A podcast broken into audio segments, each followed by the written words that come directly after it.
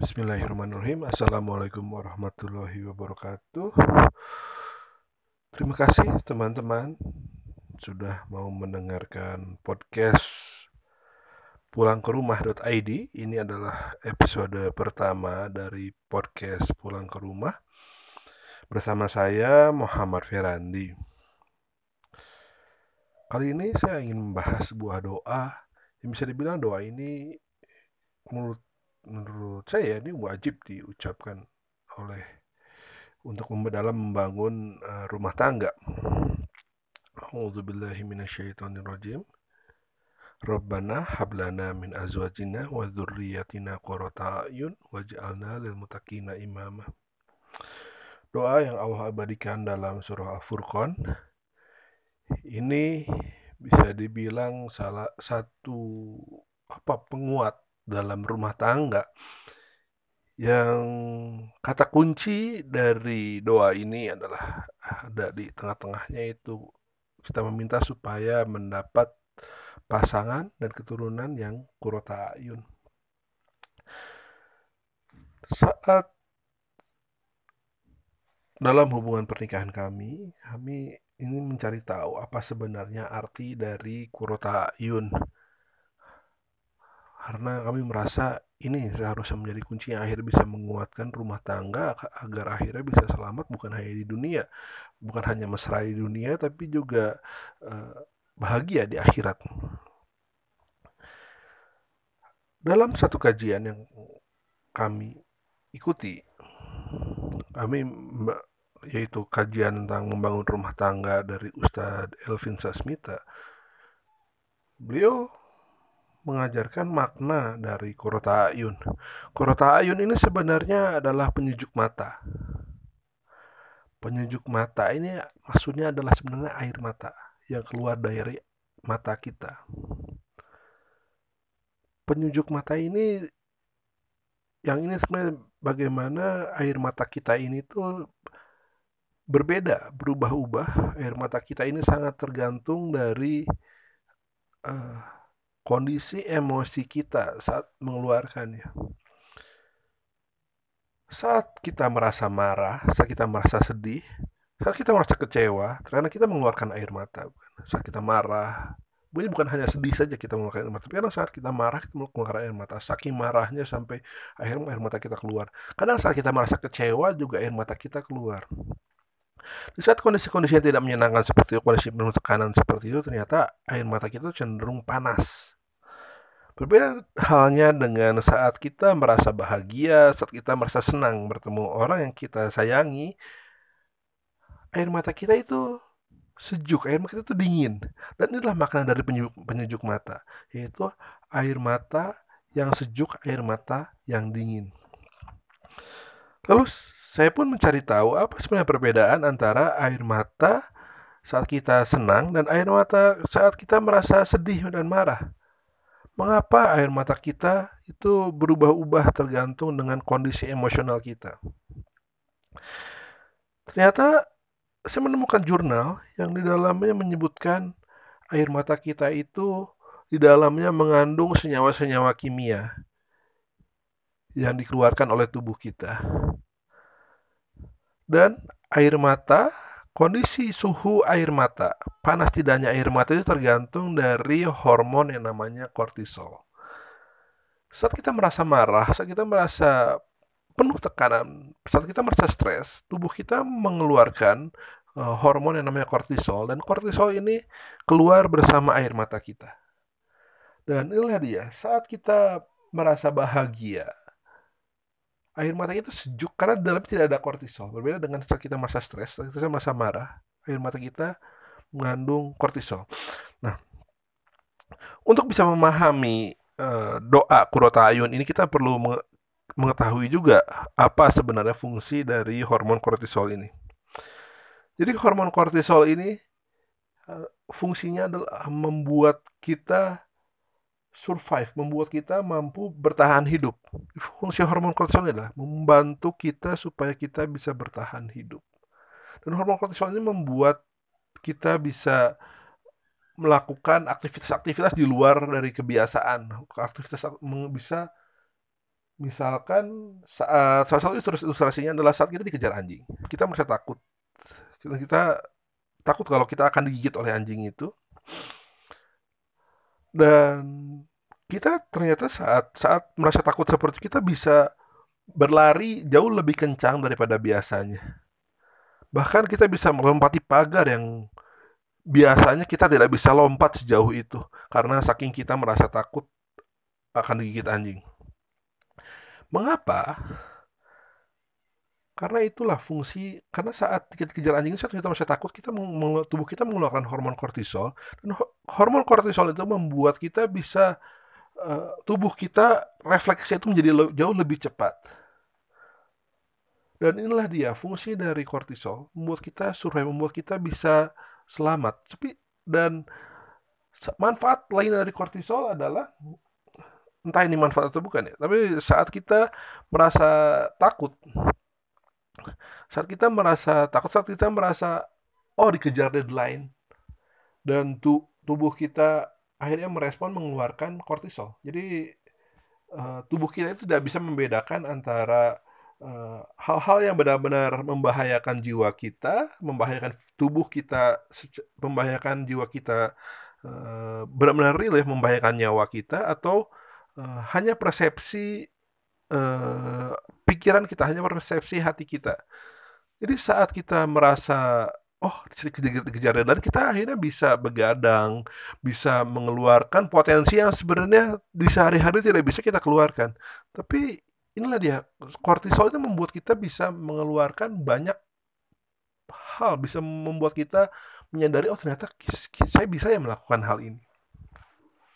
Tapi yang perlu disadari adalah hormon kortisol ini memiliki efek samping. Semakin sering kortisol ini keluar, dampaknya ternyata semakin buruk bagi tubuh kita. Dan semakin sering kortisol keluar, dampaknya adalah salah satunya sistem imun kita akhirnya semakin menurun. Fungsi kekebalan tubuh kita berkurang sehingga akibatnya apa? Semakin sering tubuh kita mengeluarkan kortisol, kita menjadi semakin sering sakit. Yang lainnya adalah kortisol ini menghambat kreativitas kita karena kortisol membuat kita tertekan, membuat kita bisa mengeluarkan potensi kita, bisa membuat kita bekerja jauh lebih lama sampai akhirnya kita mengorbankan waktu tidur kita. Tapi di sisi lain, kortisol ini membuat beberapa hormon lain menjadi terhambat. Seperti contohnya adalah hormon oksitosin. Hormon oksitosin adalah hormon kasih sayang hormon yang membuat kita uh, bisa bekerja sama dengan orang lain dan hormon oksitosin dan beberapa hormon lainnya seperti hormon serotonin itu uh, menjadi terhambat karena hormon kortisol ini bekerja. Sehingga dalam jangka panjang sebenarnya hormon kortisol ini membuat kita menjadi tidak kreatif dalam bekerja. Kita menjadi produktif sekali tapi tidak kreatif. Jadi dalam jangka panjang orang yang sering mengeluarkan hormon kortisol ini menjadi tidak kreatif dan menjadi uh, menjadi mudah sakit. Dan kita berdoa supaya mendapatkan kurota ayun dalam rumah tangga. Itu tandanya apa? Tandanya kita sebenarnya berharap supaya dalam hidup kita tubuh kita itu jarang mengeluarkan kortisol. Karena kortisol ini sangat berguna kalau kita berada di medan perang atau kita berada di hutan dan kita dikejar-kejar oleh entah binatang buas seperti apa, tapi di dalam rumah hormon kortisol tidak terlalu dibutuhkan.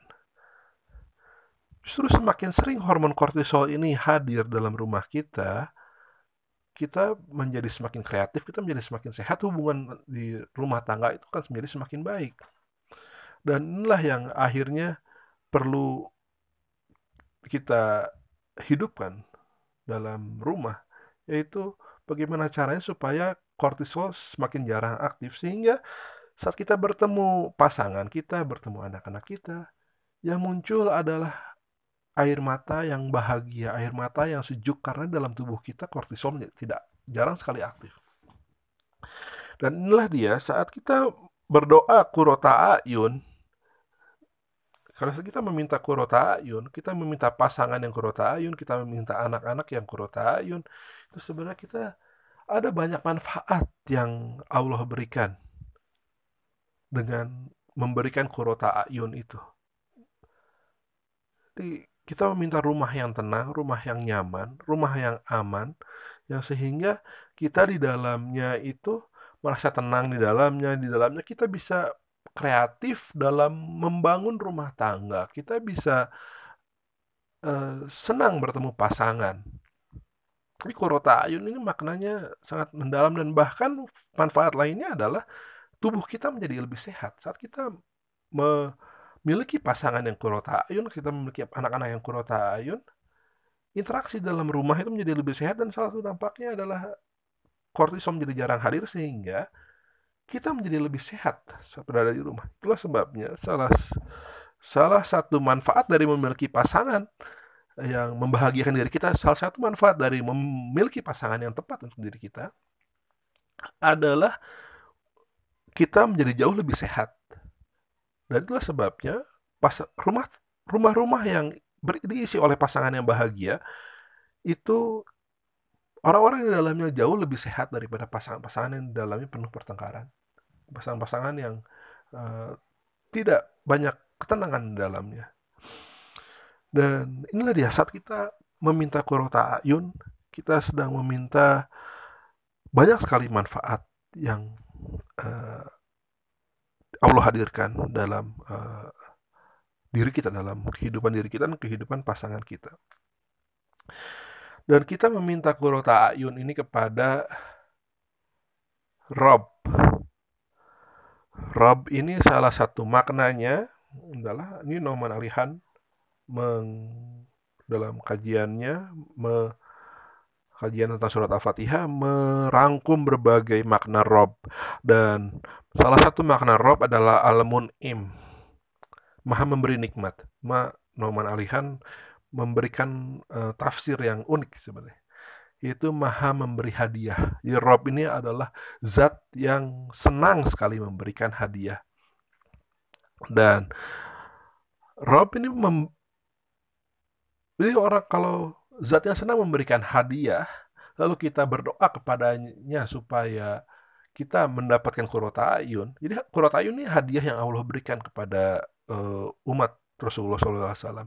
Dan jika kita meminta hadiah kepada zat yang senang memberikan hadiah, secara otomatis Allah akan menjadi semakin senang untuk bisa memberikan lebih banyak hadiah kepada diri kita. Dan Robbana kita memberi zat kepada kita meminta kepada zat yang senang memberi hadiah agar apa? Agar hablana, agar memberi kita hadiah jadi kita kita meminta hadiah kepada zat yang senang memberi hadiah. Dan hadiahnya adalah apa? Hadiahnya adalah kurota ayun. Dan dalam doa ini ada beberapa permintaan. Yang pertama adalah azwajina, yang kedua zuriatina. Ya, ya. Dan dua hal ini kita meminta dari dua hal ini kita meminta kurota ayun. Dan yang ketiga adalah waj'alna lil mutakina imama. Jadi dalam bukunya uh, inspirasi dari Rumah Cahaya Ustadz Budi Asari menjelaskan bahwa saat uh, saat Allah menurunkan dalam ayat-ayat Al-Qur'an itu tidak bisa dibalik-balik. Maksudnya dalam urutannya itu tuh ada makna tersendiri bahwa jika uh, yang pertama bisa terwujud, maka yang setelahnya lebih mudah terwujud dan setelahnya akan lebih semakin mudah terwujud. Ini maksudnya apa? Kita di dalam doa yang Allah abadikan dalam surah Al-Furqan ayat 74 ini yang pertama kita minta adalah azwajina qurrata ayun. Itu pasangan yang menyejukkan mata kita. Pasangan yang membuat kita menghadirkan kebahagiaan dalam hidup kita.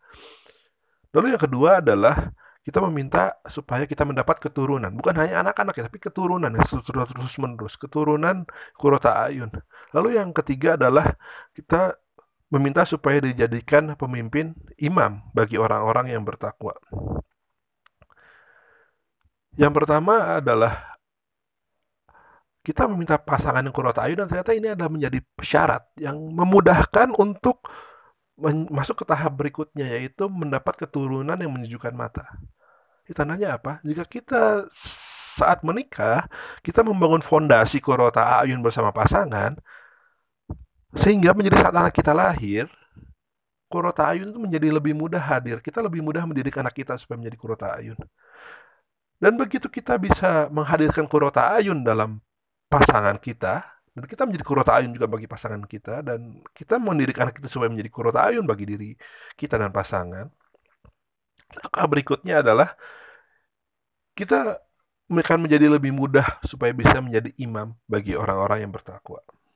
Dan yang menarik di sini adalah bagaimana Allah memilih kata imam, bukan amir. Allah imam itu asal katanya dengan umi.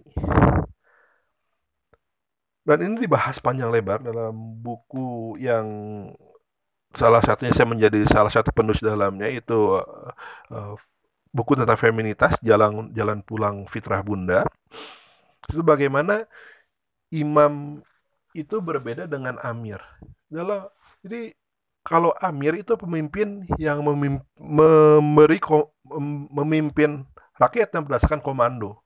Ada perintah-perintah uh, dan ada ketegasan dalamnya. Sementara saat menjadi imam, imam itu asal katanya sama dengan umi, sama dengan ibu.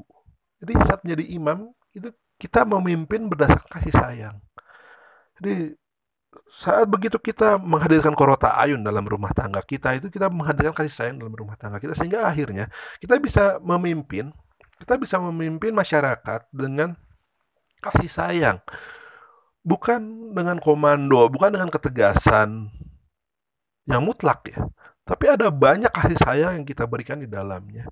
Dan ini sebenarnya yang dibutuhkan oleh masyarakat, orang-orang yang bisa memimpin dengan kasih sayang, sehingga saat uh, memberi ada kasih sayang dalamnya, dan begitu pula saat menghukum ada kasih sayang di dalamnya. Dan inilah makna yang sangat mendalam dari uh, Kurota Ayun ini, yang mungkin ini sebenarnya baru sebagian kecil dari hikmah yang bisa kita ambil dari doa permintaan Kurota Ayun. Dan kami di pulang ke rumah .id mempelajari Kurota Ayun ini karena kami merasa ini doa ini yang akan memudahkan kami supaya visi kami yaitu bisa menghadirkan rumah yang aman dan nyaman untuk kami kembali pulang bisa lebih cepat terwujud. Karena saat jika Allah memberikan kurota ayun dalam keluarga kita, maka akan ada ketenangan dalamnya. Dan dari situlah kami merasa impian kami untuk bisa pulang ke rumah menjadi lebih mudah terwujud. Seperti dalam firman-Nya di surah yang lain, Ya ayat Tuhan nafsul mutmainnah irji'i ila rabbiki radiyatan mardiyah. Jadi Allah meminta supaya jiwa-jiwa yang tenang untuk pulang kepadanya. Dan rumah yang sesungguhnya adalah sebenarnya rumah untuk bisa kembali bersama, bisa ada di tempat yang Allah ridhoi. Dan Allah mengajak untuk pulang itu kepada siapa? Kepada ayat Tuhan nafsul mutmainnah. Kepada jiwa-jiwa yang tenang. Dan jiwa-jiwa yang tenang ini akan lebih mudah kita kita hadirkan kalau rumah-rumah kita itu tenang. Yaitu rumah-rumah kita diisi oleh kurota ayun. Sehingga kita bisa kembali pulang dengan hati yang ridho dan Allah pun ridho kepada kita. Dan inilah uh, podcast pulang ke rumah. Semoga bisa membantu keluarga teman-teman untuk bisa menghadirkan uh, kurota ayun dan dari situlah kita Semoga kita semua bisa kembali pulang, bisa kembali pulang ke zat yang merindukan kita, melebihi rindu kita padanya. Dan salah satu caranya adalah bagaimana kita bisa menghadirkan rumah yang aman dan nyaman, sehingga kita bisa selalu merasa tenang untuk kembali pulang ke rumah kita masing-masing. Sekian podcast pertama dari pulang rumah.id. Semoga bermanfaat. Jika ada kritik dan saran, silahkan uh, bisa uh, tulis di komen di Instagram kami. Semoga bermanfaat. Sampai ketemu di podcast pulang rumah.id episode berikutnya. Wabillahi taufiq wal hidayah. Wassalamualaikum warahmatullahi wabarakatuh.